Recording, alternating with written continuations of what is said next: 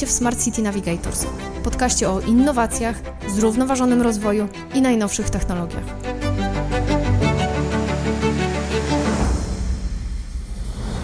Ten podcast tworzy dla Was Navi Parking.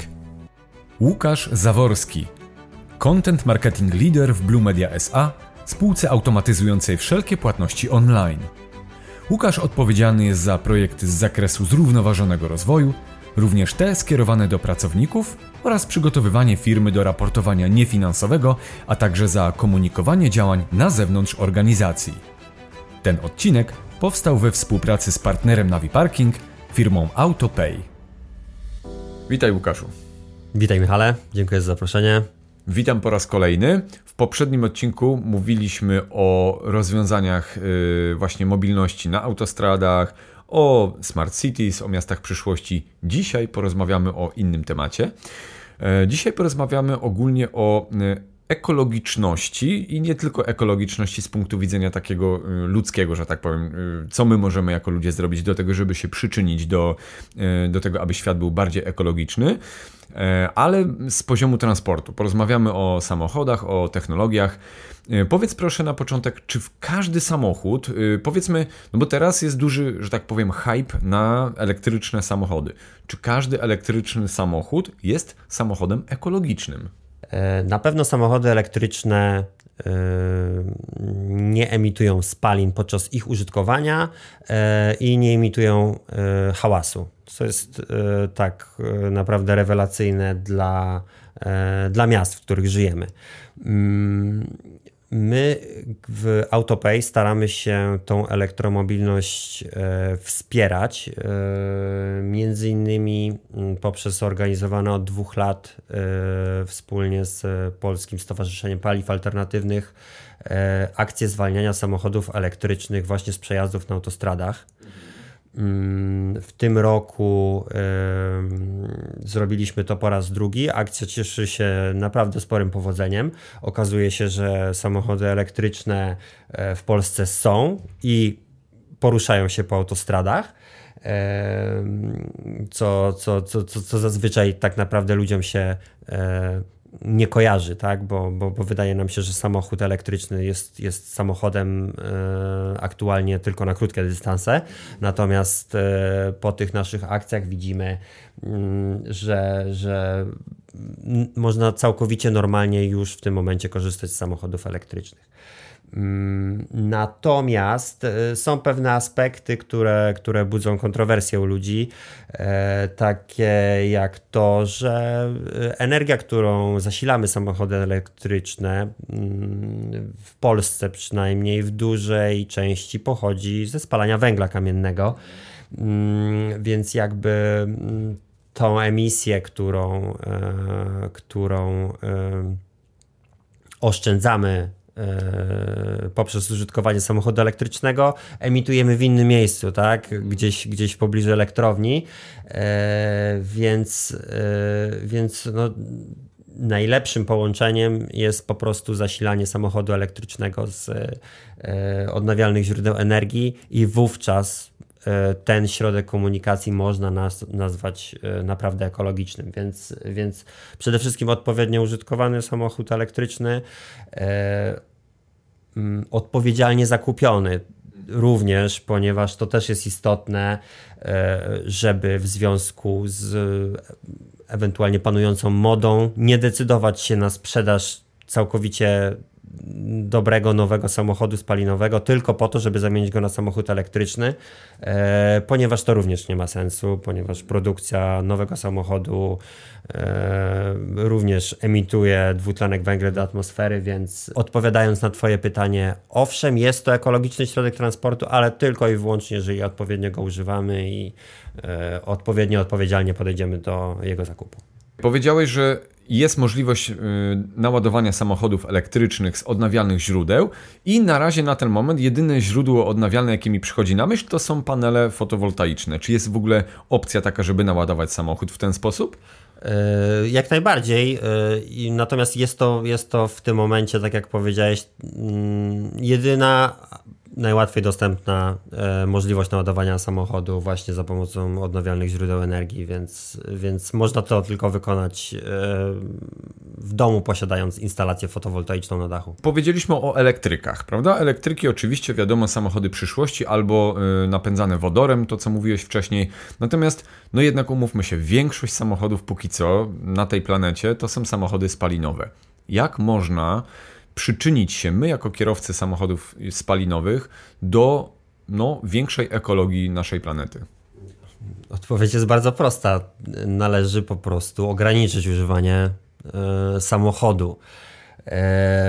My w firmie od dwóch lat e, prowadzimy właśnie badania na temat e, postaw Polek i Polaków e, na temat zmian klimatycznych. I tam między innymi zadajemy pytanie o gotowość do zrezygnowania z auta. I w tym roku 30% badanych zadeklarowało gotowość do ograniczenia e, korzystania z, e, samochodu.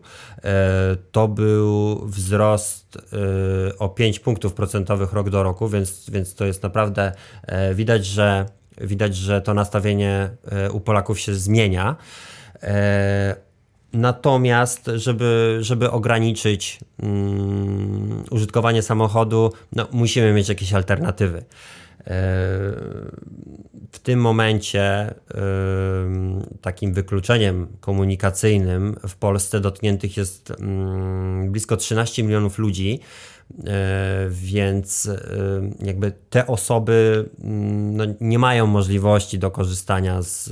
Są to w, w, głównej mierze mieszkańcy wsi lub małych miast, którzy nie mają e, dostępu do, do zbiorowej komunikacji, do usług typu car sharing czy, czy elektryczne hulajnogi. W wypadku tych 13 milionów e, Polaków, którzy dotknięci są e, tym problemem e, i nie mogą tak naprawdę pozwolić sobie na zrezygnowanie z auta, bo muszą dojeżdżać do pracy, do większego miasta, zawozić, odwozić dzieci ze szkoły.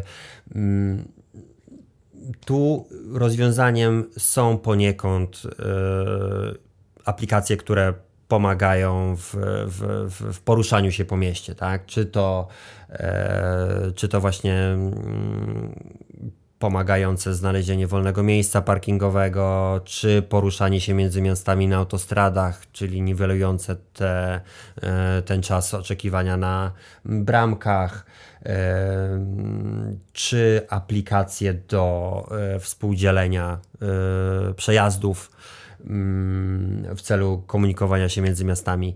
E, więc e, tu, tu widzę taką możliwość. No i oczywiście e, stara, dobra, ekologiczna jazda, tak? zachowywanie prędkości zgodnie z, z, z, ograniczeniami, które w większości przypadków w krajach europejskich właśnie zostały wprowadzone w czasie kryzysu paliwowego w latach 70 Mm, aby, aby to zużycie paliwa ograniczać, tak? Więc, więc jakby no tutaj widać, że, że mm, im wolniej jedziemy, tym mniej paliwa zużywamy, tym mniejszy jest nasz ślad węglowy. E, więc y, tych możliwości y, te 13 milionów ludzi ma mniej, ale, ale zawsze takie możliwości istnieją. No tak, bo też ludzie z obszarów wykluczonych mogą dojeżdżać na przykład do punktów, e, które nazywają się park and ride, mogą zostawić tam samochód i mogą korzystać z komunikacji. A jeśli już ktoś jedzie do miasta i musi dostać się na przykład do centrum, może właśnie chociażby skorzystać z, z Navi Parking, właśnie e, znaleźć miejsce parkingowe dla siebie, a jeśli są odcinki, gdzie trzeba przejechać autostradą, to właśnie warto korzystać na przykład z e, Autopeja. Po prostu, żeby przejeżdżać bezdotykowo. No i też, żeby uniknąć stresu, umówmy się. No, koniec końców to i tak zawsze wszystko rozchodzi się o ludzi, prawda? Zgadza się. Poruszanie się w miastach e, generuje bardzo dużą ilość stresu u ludzi, więc, e, więc e, im mniej czasu nam to zajmuje, tym lepiej. Mówimy o obszarach miejskich, mówimy o obszarach, gdzie porusza się bardzo dużo, bardzo duże skupisko ludzi na małych przestrzeniach, a co z podróżami długodystansowymi?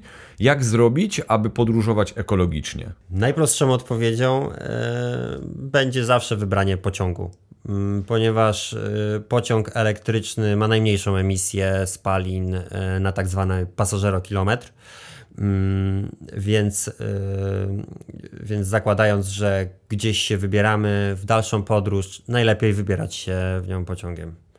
E, w drugim przypadku e, najmniejszą emisję e, właśnie dwutlenku węgla na taki pasażerokilometr ma w pełni załadowany samochód. Czyli jeżeli jedziemy w czwórkę, wówczas podróż tym samochodem e, jest porównywalna tak naprawdę do wybrania się w, w podróż pociągiem. E, więc, więc o ile nie, mm, nie podróżujemy sami, podróż pociągiem czy samochodem na dalszy dystans jest, jest podobna. No, natomiast najbardziej, najbardziej negatywne dla środowiska jest y, latanie samolotami, tak? Przede wszystkim na krótkich dystansach, mm, gdyż y, samoloty spalają najwięcej paliwa właśnie podczas startu i lądowania, e, więc y, no, podróż między, między Gdańskiem a Warszawą samolotem, czy jeszcze na krótszym dystansie jest naprawdę bezzasadna. Też widziałem taki film dokumentalny na temat właśnie jakby nie, niewydajności tego całego y, właśnie y, jakby systemu związanego z krótkimi przelotami, y, jakimiś odrzutowcami. I to też rozmawialiśmy wcześniej y, podczas takiej prywatnej rozmowy, gdzie opowiadałem Ci, że w tym filmie dokumentalnym było pokazane, że na przykład osoba, która zażyczyła sobie butelkę wina z Francji, wysyła jeta po to, żeby jet poleciał do Francji i przywiózł tej osobie butelkę wina. I jest oczywiście zapewnione to tej osobie, bo ta osoba ma taką potrzebę, prawda? To jest totalnie nieekologiczne, aczkolwiek nadal takie rzeczy się jakby dzieją na, na, na naszej planecie. Zgadza się i jeszcze długa droga przed nami, e, żeby, żeby te rzeczy już się nie działy, bo, bo tak jak e, zauważyłeś, no, e, jest, jest to całkowicie mm, tak naprawdę bezsensowne, tak? A e, najwięcej właśnie emisji mm, dwutlenku węgla generują loty prywatnych odrzutowców, generują pasażerowie, którzy korzystają z e, klasy pierwszej i klasy biznes w liniach lotniczych, bo gdyby tak naprawdę samoloty były skonstruowane e, mm, w inny sposób, czyli całkowicie nastawione były na przetransportowanie jak największej ilości osób, czyli wypełnione w całości klasą ekonomiczną, E, a nie nastawione na, na, na, na wygenerowanie jak największych zysków, e, wówczas, wówczas to byłoby też troszeczkę mniej szkodliwe. Tak? Natomiast, natomiast e, bardzo dużo, bardzo dużo emisji powodowanych jest właśnie przez, przez loty prywatnymi odrzutowcami i, i, i latanie klasą biznes i klasą pierwszą w, w, liniach lotniczych. Na świetny pomysł wpadła Francja, która planuje zakazać lotów na krótkich dystansach całkowicie, które możesz pokonać w trasie, w trakcie 2,5 godzinnej podróży pociągiem. Okej, okay. podsumowując dzisiejszy odcinek, jak być bardziej proekologicznym w korzystaniu z transportu, zarówno transportu, czy mamy samochód, czy korzystamy z elektrycznych, nie wiem, hulajnóg, na przykład rowerów, czy po prostu korzystamy z komunikacji miejskiej. Jak być bardziej proekologicznym? Hmm, a zatem zbierając te wszystkie rzeczy, o których mówiliśmy e, wcześniej, e, po pierwsze ograniczać e, transport, tak? czyli i przemieszczanie się.